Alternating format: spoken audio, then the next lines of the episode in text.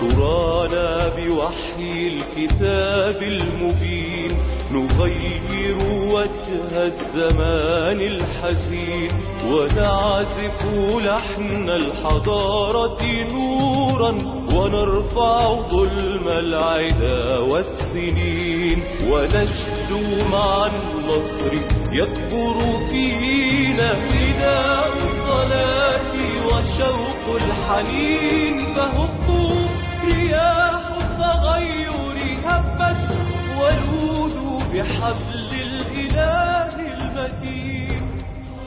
إن الأموال إذا اكتنزت وادخرت في الخزائن لا تنمو. وإذا كانت في صلاح الرعية وإعطاء حقوقهم وكف الأذية عنهم نمت وزكت وصلحت بها العامة وترتبت بها الدولة وازداد فيها العز والمنفعة. السلام عليكم ورحمة الله وبركاته. بسم الله الرحمن الرحيم. والحمد لله رب العالمين والصلاة والسلام على سيدنا محمد النبي الكريم وعلى آله وصحبه أجمعين. أحييكم وأرحب بكم مع رياح التغيير. وفي هذه الحلقة سنتناول جانبا من أهم الجوانب هو جانب الاقتصاد. وسنرى أرقاما غريبة جدا في عالمنا العربي. كيف أن هناك ثروات لكنها غير مستعملة. جزء كبير من الثروات العربية نائمه في البنوك الغربية تكاد تتحول إلى ديون معدومة للأسف. المعادلة القاسية التي تحكم أمتنا اليوم شخصيات حاكمة ضمن قائمه الأغنى في العالم وشعوب ضمن قائمة الأفقر في العالم. لدينا غزارة في الإنتاج ولدينا سوء في التوزيع. حديثنا اليوم عن التنافس الاقتصادي. وسنرى سنرى أن عندنا كفاءات وإمكانات هائلة جدا وسنرى سوء توزيع وسوء إدارة لهذه الكفاءة الاقتصادية. موضوع الاقتصاد موضوع من أهم المواضيع ومن أخطرها ولأن الموضوع بهذه الخطورة وفي نفس الوقت هو مليء بالأرقام ومليء بالتفاصيل كان التوازن في طرح الحلقة اعلاميا صعب جدا ولذلك رتبتها بترتيب لعله يسهل فهم هذه المسألة. دعوني أذكر لكم أين نحن في معادلة التغيير بالنسبة لهذه الحلقة.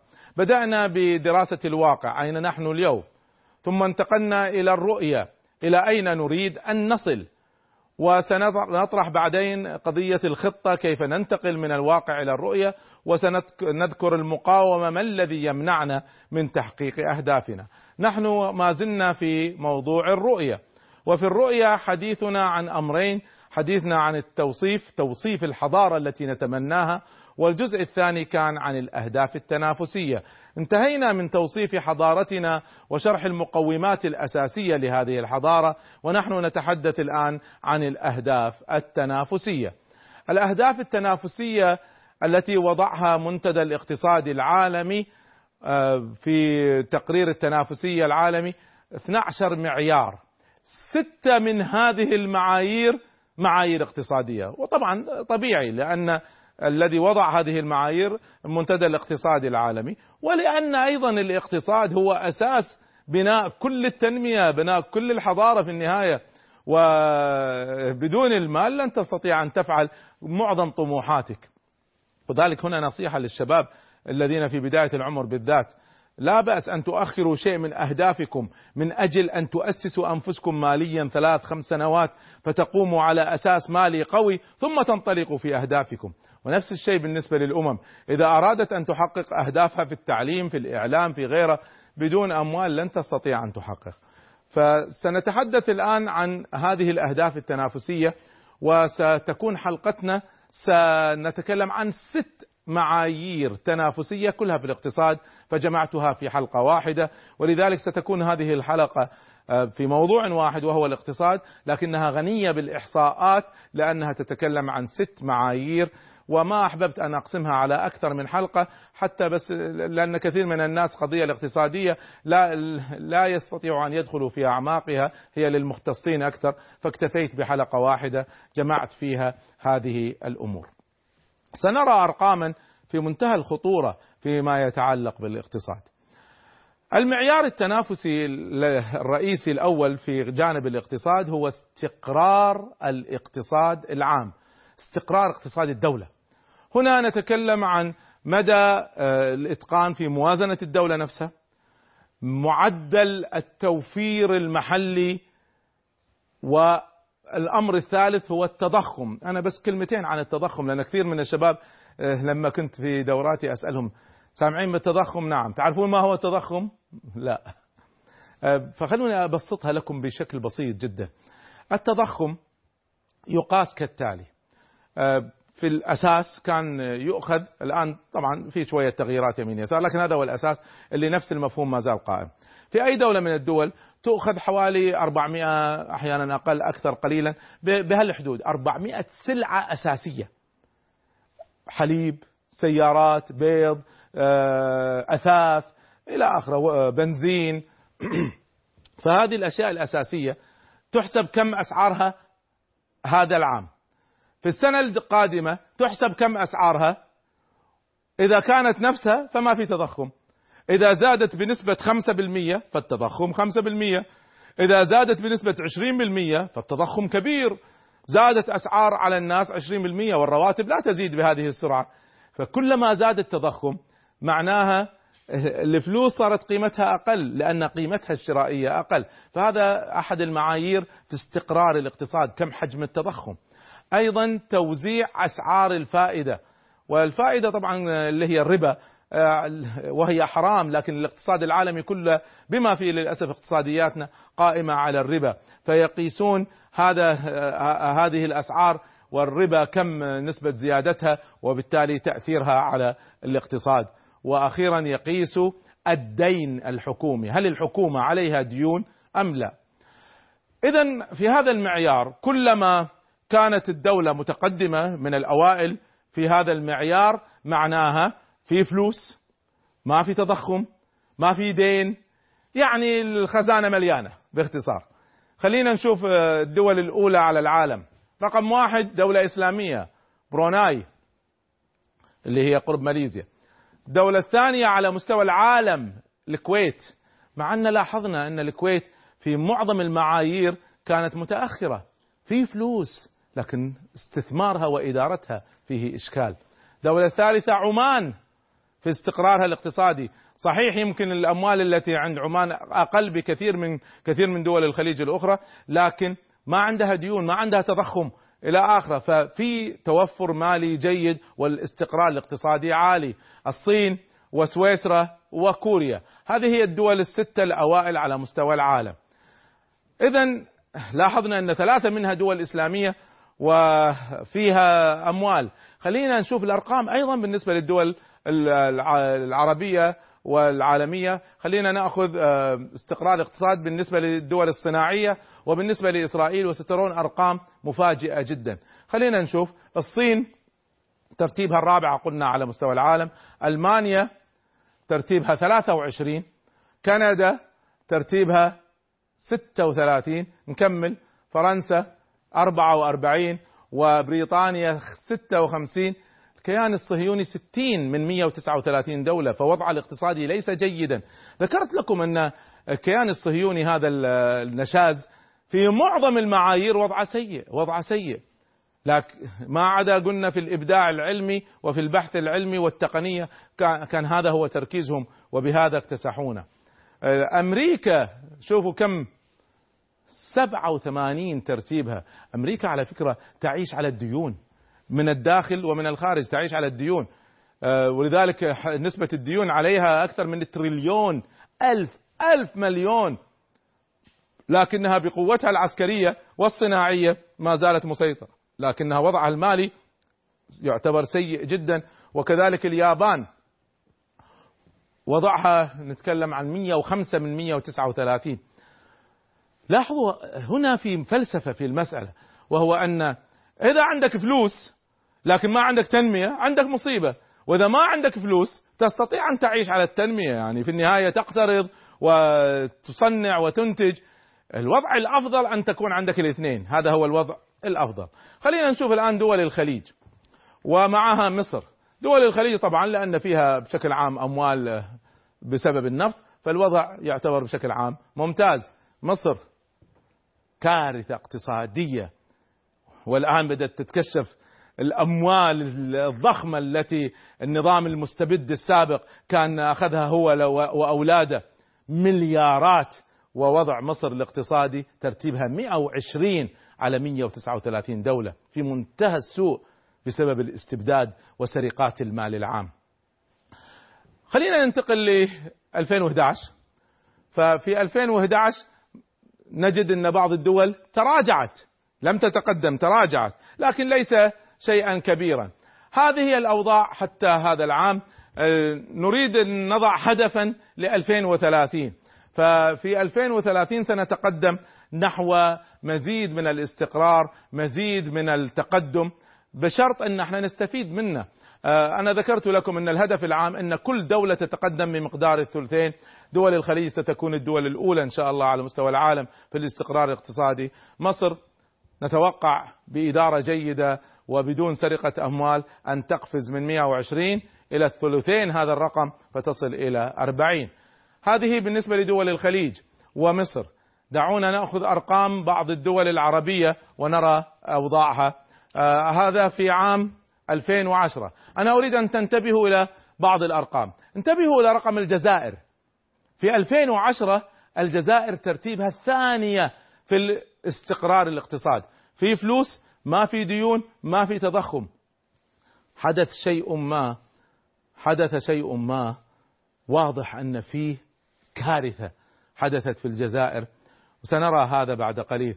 راقبوا طبعا أوضاع لبنان في الوضع الاقتصادي 125 من 139 دولة. طبعا موريتانيا قلنا في كل الأرقام وضعها للأسف سيء.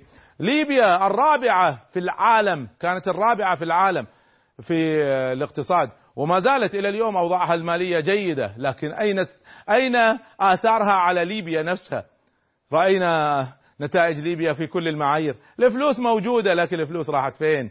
هذا هو السؤال. دعونا نتحرك إلى عام 2011 وراقبوا الجزائر ماذا سيحدث لها؟ في سنة واحدة الجزائر انتقلت من أن تكون الثانية على العالم إلى أن تكون 57 على مستوى العالم. في شيء في كارثة حدثت في الجزائر اقتصادية والناس لا تدري الناس لا تشعر. لا بد من تحقيق لا بد من معرفة ماذا يجري هنا. آه الأرقام الأخرى ما زالت بشكل عام قريبة من السابق. الآن هدفنا على عام 2030 ستتحرك كل هذه الأرقام بما فيها الجزائر إن شاء الله تحاول أن تعود إلى الريادة من جديد وتتقدم الأرقام بمستوى الثلثين حتى تصل إلى عام 2030 ونرجع نكون إن شاء الله من الدول المتقدمة اقتصاديا على مستوى العالم. استقرار الاقتصاد العام شيء جميل خلوني بس أقارن ببعض الدول الإسلامية أظن عندنا إحصائية للدول الإسلامية. فخلونا نقارن بالدول الإسلامية وبعدين نأخذ فاصل ونرجع إلى معايير تفصيلية. هذه الدول الإسلامية إندونيسيا وإيران وباكستان وتركيا وماليزيا ونيجيريا. آه خلينا نشوف هذا ترتيبها في عام 2010 خلينا نأخذ الإحصائية مرة واحدة تفضل. فشوفوا ماذا حدث. رجعت إلى 92 ورجع. في كوارث اقتصادية في ناس قاعد تلعب بهذه الأموال والناس ما تدري الناس ما تتفرج على كل حال هذا واقع سيء موجود في أمتنا لكن طموحنا على عام 2030 نكون كلنا تقدمنا لنكون من الدول الاقتصادية المتقدمة جدا. هذا بالنسبة لاستقرار الاقتصاد، بالنسبة لتوفر المال. لكن هناك أجزاء تفصيلية يقاس بها موضوع الاقتصاد هذه الأجزاء التفصيلية كلما أتقناها كل ما كان الاقتصاد أقوى هذه التفاصيل سأعطيكم إياها بالأرقام بعد الفاصل إن شاء الله.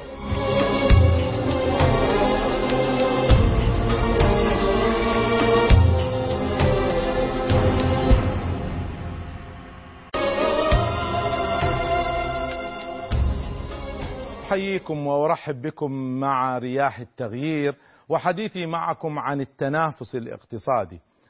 في بداية الحلقة حدثتكم عن معيار اسمه استقرار الاقتصاد العام استقرار اقتصاد الدولة وبينا أن كثير من دولنا في الخليج في المغرب العربي متقدمة جدا يعني نتكلم عن الجزائر نتكلم عن ليبيا السابعة على مستوى العالم كثير من دول الخليج الأوائل على مستوى العالم الكويت الثانية على مستوى العالم لكن من واضح من الأرقام السابقة التي تكلمنا عنها لم ينعكس هذا في معايير تنمية في معظم الأحيان.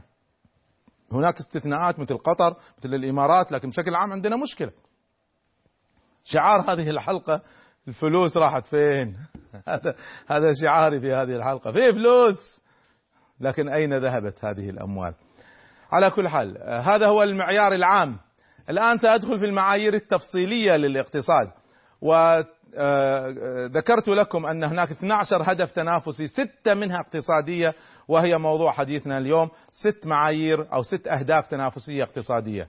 الاستقرار الاقتصاد العام واحد منها. المعيار الثاني كفاءة سوق البضائع.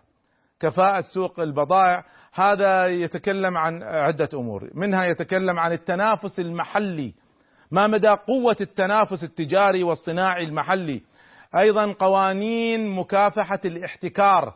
هل توجد في الدولة قوانين تمنع الاحتكار وتكافح الاحتكار؟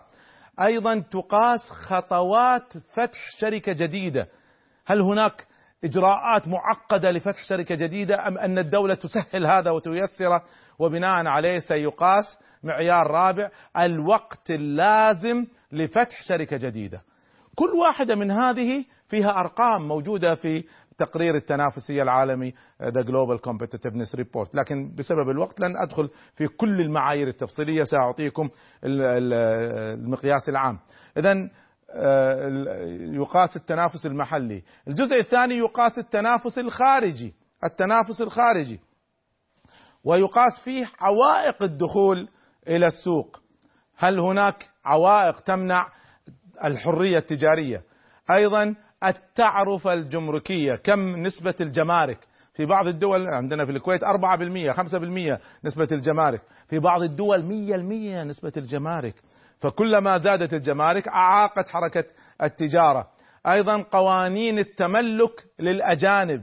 ما مدى لينها ما مدى تشددها وهذه طبعا ستؤثر تأثير مباشر على الاقتصاد ونسبة الواردات من الدخل القومي. إذا الدولة معتمدة على الاستهلاك فمعناها عندها مشكلة كبيرة. أيضا مقياس آخر يقاس في هذا الأمر هو جودة شروط الطلب يسمونه جودة شروط الطلب.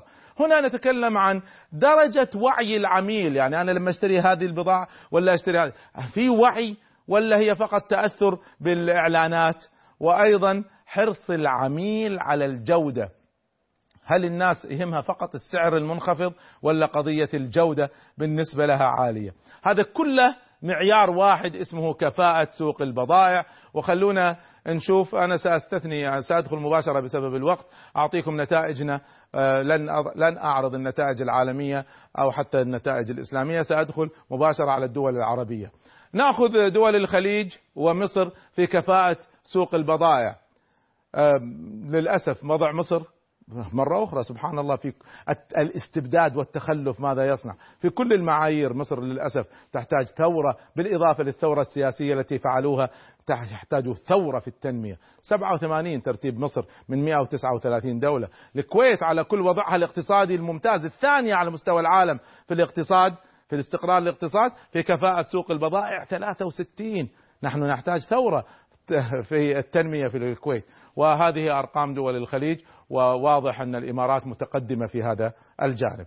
هذا 2010 نتمنى أن تتحرك الأرقام إيجابا مع الأيام. مصر طبعا زادت سوءا وتغيرت الأرقام. على كل حال خلينا نمشي ونشوف مع الأيام. على عام 2030 نتمنى كل بلد من بلداننا تكون قفزت وتقدمت في كل هدف تنافسي ومنها كفاءة سوق البضائع لتصل إلى الثلثين. وهذه الأرقام التي أتمنى أن نحققها على الأقل في عام 2030 هذا بالنسبة لدول الخليج ومصر.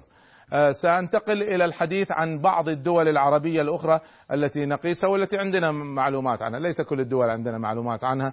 العراق اليمن ما توجد لنا إحصاءات هنا وهذه هي المتوفرة. شوفوا نتائج شوفوا نتائج الجزائر. الجزائر اللي كانت الثانية في الاقتصاد ترتيبها 126 في كفاءة سوق البضائع. ويعني نتكلم عن ليبيا. ليبيا السابعة في 2011 في في الاقتصاد. شوفوا ترتيبها. الفلوس راحت فين؟ الفلوس راحت فين؟ موجود أموال. لكن هذه نتائج تلك في خزائن الدولة وهذه نتائج الواقع بالنسبة للشعوب. هذا 2010 نشوف 2011 شوفوا ليبيا وشوفوا آه، الجزائر وشوفوا إيش صار فيها. شوفوا الجزائر وين وصلت 122 شوفوا ليبيا وين وصلت 129 من 139 في فلوس لكن الفلوس راحت فين؟ هذا الألم هذا الشيء القاسي. نتمنى أن يتعدل ويتعدل بشكل كبير.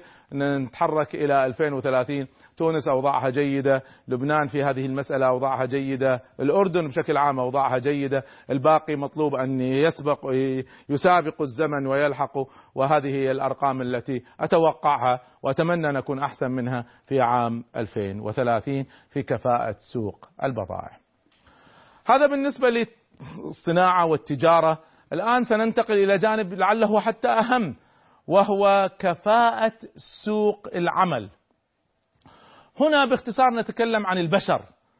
هناك تكلمنا عن البضائع هنا نتكلم عن البشر. ويقاس يقاس هذا الهدف أو هذا المعيار يقاس بالأمور التالية. اولا المرونة أي تعدد المهارات لدى العمال والموظفين. في بعض الموظفين لا يحسنوا إلا عمل واحد ما يحسن إلا مهمة واحدة ما يحسن إلا وظيفة واحدة ما عنده مرونة. لو نقلناه أي مكان ثاني ما يعرف يشتغل. بينما هناك من عنده مجموعة من المواهب. هذا الأمر الأول. المقياس الثاني كفاءة الاستفادة من هذه المواهب أي قدرة الشركات والمنظمات والدولة على الاستفادة من مواهب العاملين لديها.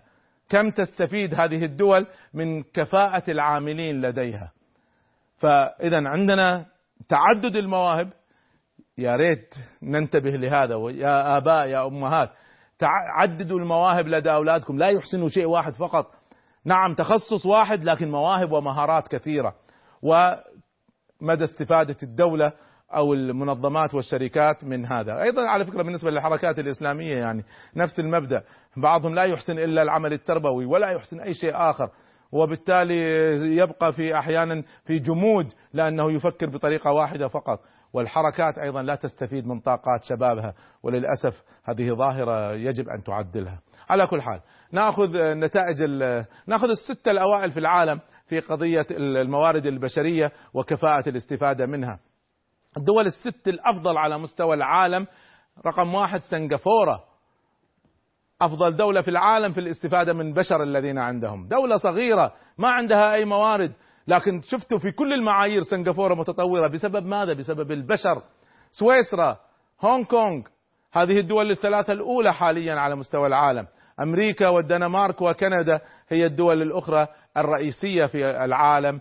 في قضية الاستفادة من البشر وكفاءة البشر. طيب هذا بالنسبة للدول الأوائل على مستوى العالم.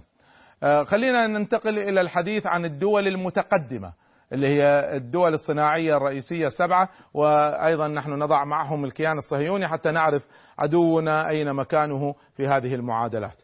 طيب آه، ناخذ الدول بسرعة، هنا الترتيب من 139 فكلما كان أقل كان الوضع أحسن، فأمريكا قلنا الرابعة على مستوى العالم، كندا السادسة، بريطانيا الثامنة، وعندنا اليابان 13 الكيان الصهيوني متقدم نسبيا في هذه المسألة 19 على مستوى العالم في الاستفادة من البشر الذين عندهم.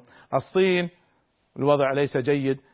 فرنسا وألمانيا كانوا متقدمين الآن تخلفوا كثيرا في الاستفادة من طاقاتهم البشرية. طيب إذا هذا بالنسبة لدول العالم المتقدم وعرفنا بمن نقارن. تذكروا أن إسرائيل العدو الصهيوني نتكلم عن ترتيب 19 الآن خلينا ننتقل إلى دول الخليج ومصر.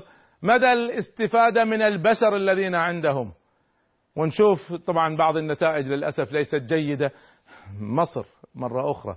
والله يعني قلبنا يتقطع لما نشوف نتائج مصر في التنمية. وهذه كلها من آثار الاستبداد. هؤلاء الذين ما زالوا يدافعوا عن النظام السابق ماذا تريدون منه ماذا حقق لكم؟ ولا شيء استفاد البشر منه. في كل المعايير نرى النتائج في هذه الدرجة من السوء.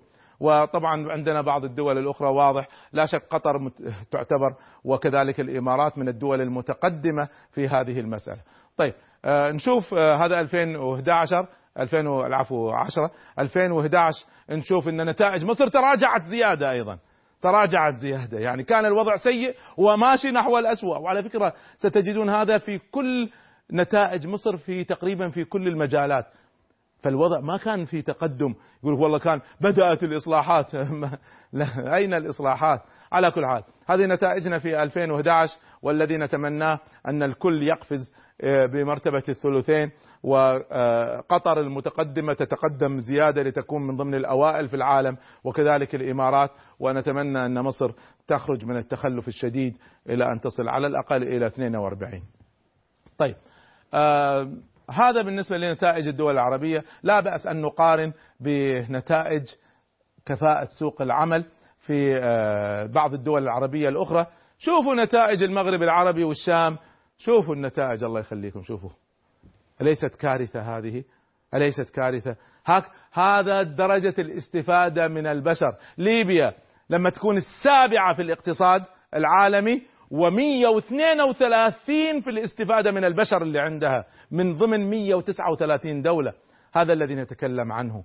حتى موريتانيا بكل أوضاعها المالية الضعيفة مع ذلك أحسن من ليبيا صاحبة المليارات.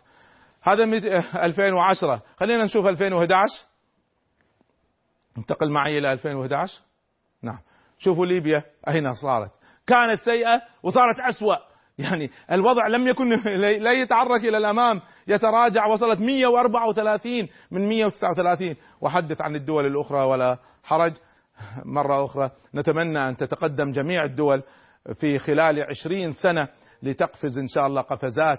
ماذا تملك هذه الدول أكثر من البشر وأغلى من البشر؟ هذه هي النتائج التي نتمنى أن نحققها على عام 2030 هذه نتائج على الأقل ونتمنى أن تكون أوضاعنا أفضل من ذلك بإذن الله.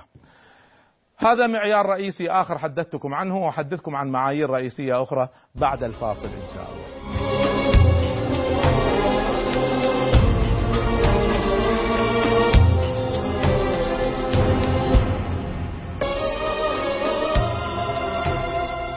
أهلا بكم ومرحبا مع رياح التغيير وحديثنا في هذه الحلقة عن التنافس الاقتصادي التنافس الاقتصادي من الأهمية بمكان أن في التقرير التنافسي العالمي له ست معايير من 12 معيار كلها تدور حول الاقتصاد. حدثتكم عن ثلاثة من هذه المعايير. المعيار الرابع الذي يقاس به تميز الاقتصاد هو تميز الأسواق المالية. تميز الأسواق المالية. وهذه تقاس بعدة أمور. أولا تقاس بالكفاءة ويقصد بها رقم واحد سهولة الحصول على قروض. هل الحصول على قروض للشركات للمصانع هل هي ميسرة؟ وأنا أتمنى أن الاقتصاد العربي بالذات الإسلامي يتحول إلى نظام إسلامي ونحن قادرين على إيجاد نظام ينقذ البشرية من جشع الربا والربا الذي يجعل الغني يزداد غنى والفقير يزداد فقرا. على كل حال فهذا هو المقياس الأول مدى سهولة الحصول على قروض. الأمر الثاني توفر رأس المال.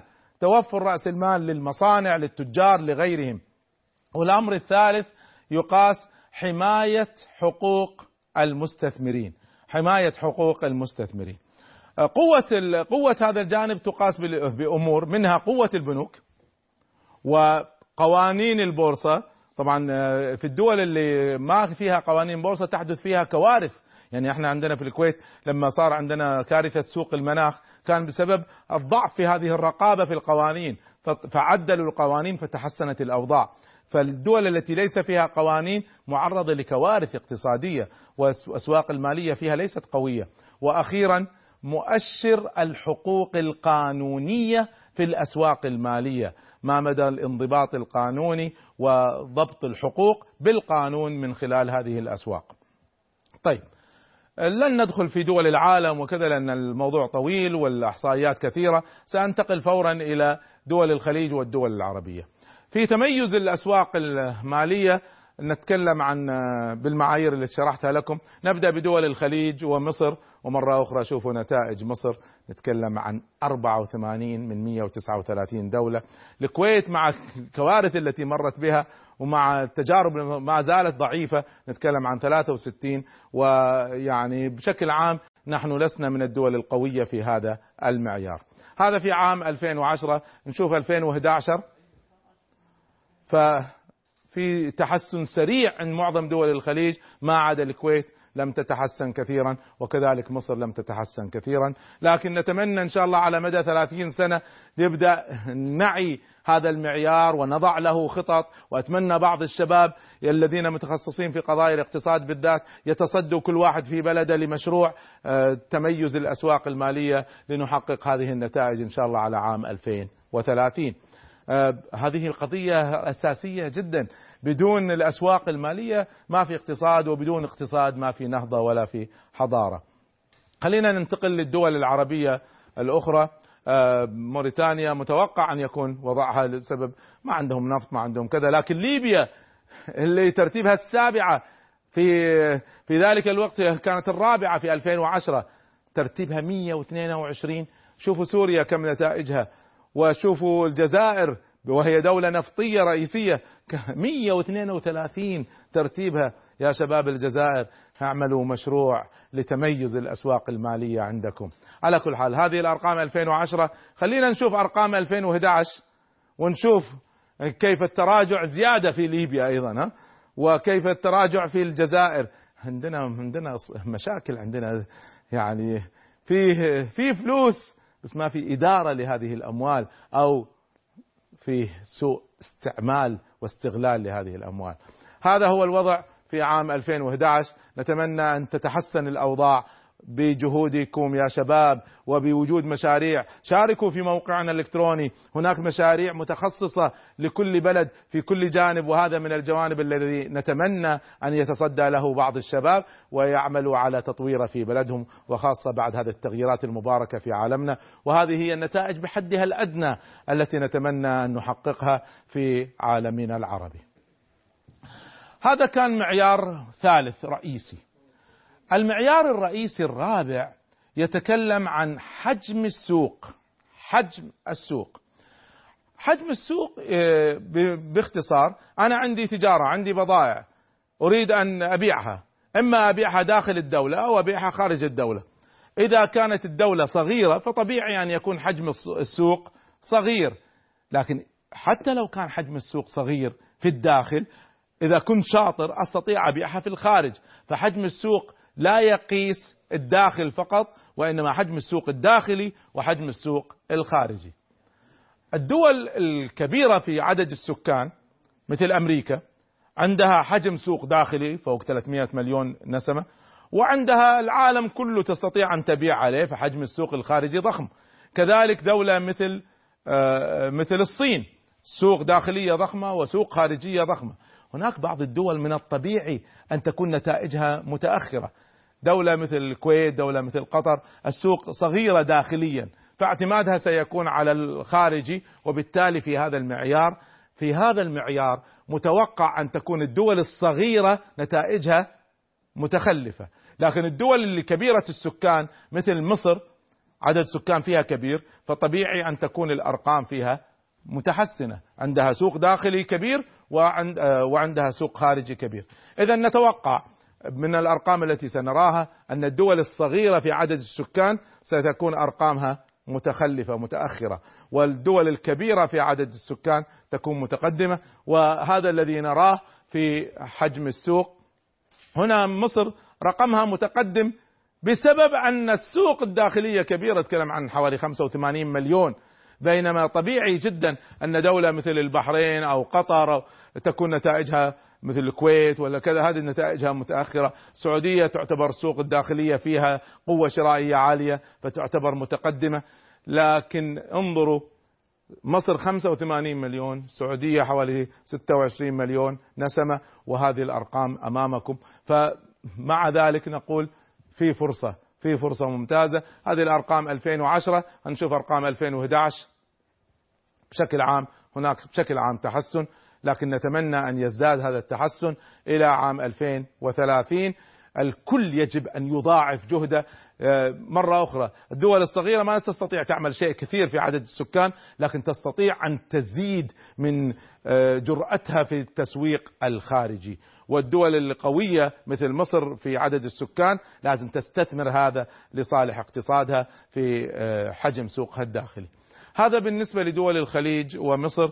لاحظت تأثر هذا المعيار بشكل كبير بعدد السكان. خلينا نشوف الدول المغرب العربي والشام ونشوف النتائج. موريتانيا مرة أخرى نتائجها ليست حسنة وكذلك آه، نرى أن لبنان نتائجها ليست حسنة. لكن دول آه، مثل سوريا فيها عدد كبير من السكان ونتائجها متأخرة. عندنا مشكلة عندنا مشكلة في هذا. هذه على كل حال أرقام 2010 نشوف أرقام 2011 فنشوف أنه في بعضها أيضا زاد سوءا ولكن نتمنى الكل يتحسن مرة أخرى. هدفنا احفظوه يا شباب هدفنا أن نقفز بمقدار الثلثين لنكون من الدول الأولى على مستوى العالم. آه هذه الأرقام بحدها الأدنى ونتمنى أن نكون أحسن من ذلك. طيب. هذا إذا بعض المعايير الاقتصادية الأساسية في مسألة الاقتصاد. قبل أن قبل أن أنتقل إلى معيار آخر عندي شوية تعليقات رئيسية. لا يمكن لا يمكن أن يتم تطور اقتصادي في ظل استبداد يستأثر بالأموال. ما يمكن. والاستبداد هذا قد يأخذ عدة أشكال منها أنه السرقات المباشرة ولا أحد يحاسب خاصة دول دكتاتورية وتحكم بالأمن من يستطيع أن يتكلم؟ وقد يأخذ شكلا آخر وهو وهذا الشكل الكبير على فكرة التي يستعمل في الاستغلال المالي. آه، الدول تستعمل الأراضي تبيع الأراضي أو توزع الأراضي بغير إنصاف والأراضي تغلى على الناس والدولة بيدها الأراضي وتؤخذ هذه الأراضي للحكام وبطانتهم. أيضا ثروات الدولة ثروات الدولة الأساسية. يعني رأينا ما ماذا حدث للغاز المصري في بيعه لإسرائيل لعدونا. الغاز يباع بحوالي سبعة سبعة ونص. العقد مع مع الكيان الصهيوني ثلاث ثلاث دولارات ثلاثة بدل ما يباع سبعة سبعة ونص. وخمسة بالمئة من العقد تذهب لجمال حسني مبارك. هكذا بأي حق يأخذها بأي حق. هذه أموال الأمة أموال الناس. ويباع لأعدائنا بهذا السعر. وعلى فكرة صدر قرار من القضاء المصري بإيقافه قبل الثورة بإيقاف هذا العقد. ولم يوقف. هكذا يفعل الاستبداد. ما هو الحل؟ الحل هو بوجود نظام محاسبي الأنظمة المحاسبية الصحيحة الديوان المحاسبة أو جهة المحاسبة جهة الرقابة المالية لا تتبع الحكومة وإنما تتبع البرلمان. نحن عندنا في الكويت هذا النظام كمثال. عندنا ديوان المحاسبة راقي جدا في متابعة كل التفاصيل الإدارية والمالية. يقدم تقريره لرئيس مجلس الأمة ويقدم لمجلس الأمة لا يقدم للحكومة. وتعيينات هذا القطاع هذا الديوان ورواتبه وترقياته تصدر من المجلس من البرلمان لا تصدر من الحكومة مستقل تماما عن الحكومة حتى يستطيع أن يحاسبها ويراقبها بدون أنظمة محاسبية من هذا النوع. سينتشر الفساد وينتشر الاستبداد وتنتهك أموال الأمة لصالح أعداء الأمة. مزيد من التفاصيل حول القضية المالية في آه، معاييرنا التنافسية الاقتصادية بعد الفاصل. إن شاء الله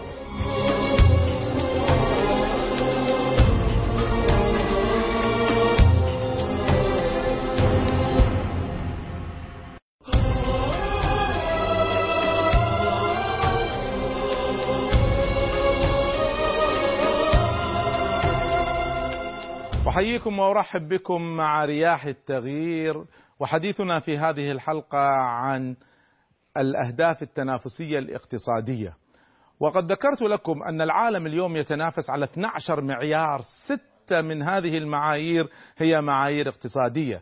حدثتكم عن خمسة من هذه المعايير وهذا المعيار الأخير وهو آخر أهدافنا التنافسية وآخر إحصائية عندنا آه، يعني إلى فترة يعني تعبتكم بالإحصائيات. سنكتفي بهذا القدر نعود إلى التنظير والتخطيط في الحلقات القادمة. لكن دعونا نستمتع بآخر إحصائيات فيما يتعلق بالنظام الاقتصادي أو التنافس الاقتصادي.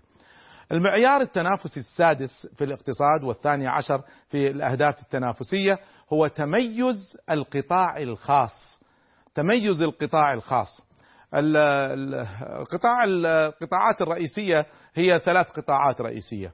قطاع الحكومة الوزارات وما يتبعها. القطاع الخاص يقصد به الشركات وما يتبعها.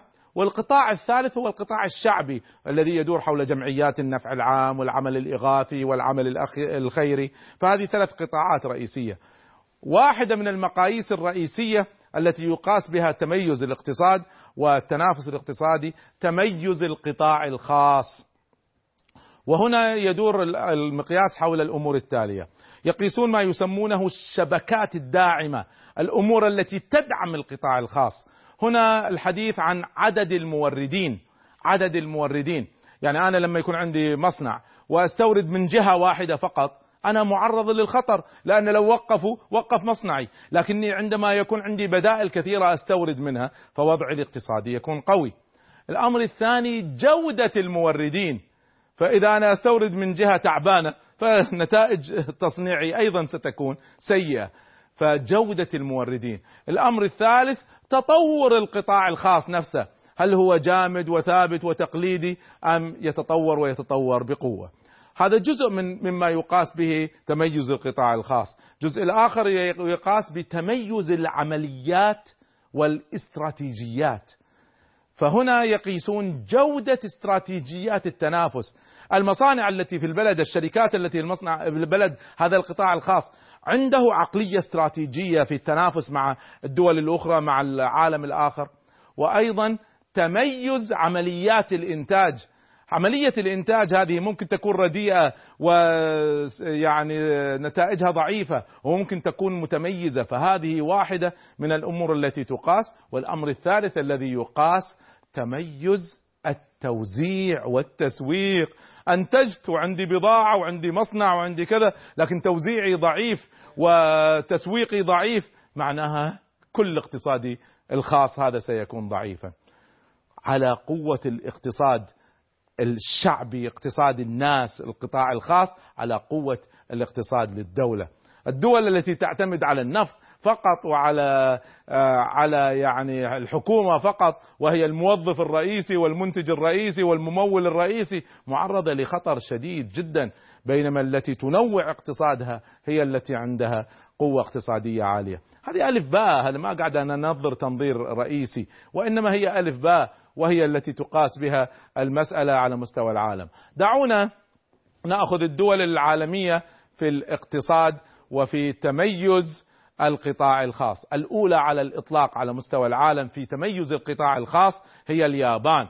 الشركات الكبرى هنا نتكلم عن هوندا وسوني وهذه كلها شركات خاصة. هذه ليست حكومة. ولذلك النصيحة خففوا من الاعتماد على الحكومة وانتقلوا إلى القطاع الخاص أكثر. السويد ألمانيا سويسرا هولندا النمسا هذه هي الدول الأولى على مستوى العالم في تميز شركاتها ومصانعها وقطاعها الخاص. كلما زاد هذا التميز كلما تحسن أداء هذه الدولة. الآن عرفنا الدول الأولى التي نستطيع أن نقارن بها ونتعلم منها ولا بأس أن نتعلم منها إلى أن نقف على أرجلنا ونقفز إن شاء الله إلى الأمام. دعونا ننتقل إلى ترتيب الدول الصناعية الكبرى في تميز القطاع الخاص. مرة أخرى احفظوا القطاع الخاص يتكلم عن الشركات والمصانع ليست الدولة.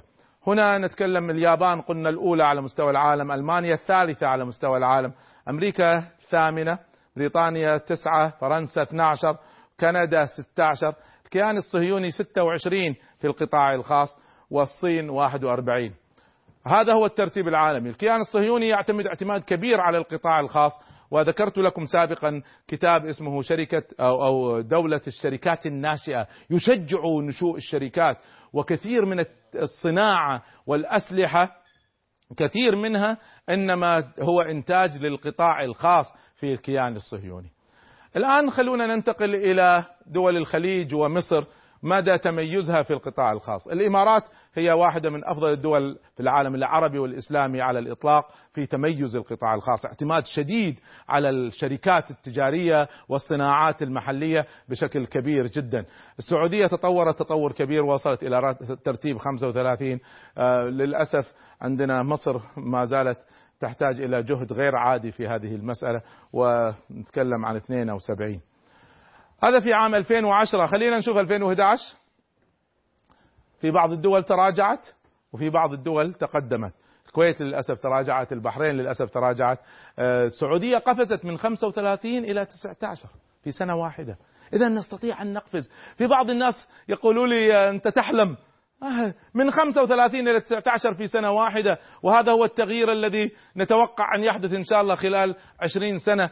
وما ذلك على الله بعزيز. نستطيع أن نتقدم واللي كان 120 يستطيع أن يصبح 40 واللي كان 90 يستطيع أن يكون 30 وهكذا نستطيع أن نتقدم. إن شاء الله نكون إلى هذه النتائج في عام 2030 بل أحسن من هذه النتائج. هذا بالنسبة لدول الخليج ومصر. أما بالنسبة لباقي الدول العربية فهذه هي أرقامها ومرة أخرى ليبيا في عام 2010 111 وهي الرابعة في الاقتصاد في ذلك الوقت على مستوى العالم. رابعة في الفلوس في توفرها لكن تستثمر في دعم إرهاب وفي آه، استئثار آه، المستبدين الطغاة وأبنائهم والأموال لا تذهب للناس. هذا وضع ليبيا ما في ما في قطاع خاص تقريبا. ما لا يوجد قطاع خاص. اللي ما حكومة تدعمه ولا يرتشيها ولا ترشيه ما في شيء. هذا كله يتغير إن شاء الله مع هذه الثورات المباركة. الجزائر بكل الأموال النفطية اللي موجودة عند الجزائر. هذا وضع القطاع الخاص في الجزائر. أنا أتمنى أن ينطلق شباب خاصة في الدول اللي فيها أزمات ومشاكل يقولوا نحن لها لتطوير القطاع الخاص في بلادنا. هذا في عام 2010 خلينا نشوف 2011 ماذا حدث. شوفوا شوفوا ماذا حدث. نتكلم هنا عن موريتانيا. ولا حول ولا قوة إلا بالله النتائج دائما كانت سيئة. لكن ليبيا 131 على 139 هذا وضع القطاع الخاص في ليبيا كان سيئا وصار أسوأ.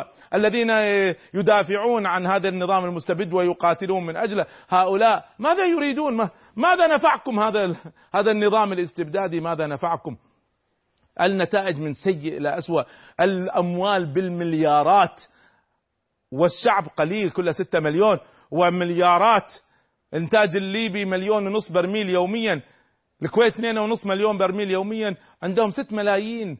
ما يعني شعب قليل وأموال ضخمة جدا والنتائج ها هي أمامكم. الأرقام كلها تشهد فكيف يدافعون عن نظام مثل هذا. على كل حال هذه أرقام 2011 خلينا نشوف ماذا سيحدث إن شاء الله إذا شدينا حيلنا وعملنا مشاريع جادة على مستوى الحكومة على مستوى الشعوب. سنتقدم جميعنا بإذن الله حتى نصل إلى ثلثين الوضع الذي كنا عليه وعلى عام 2030 نتمنى أن نكون بهذه الأرقام أو أفضل حتى إن شاء الله من هذه الأرقام.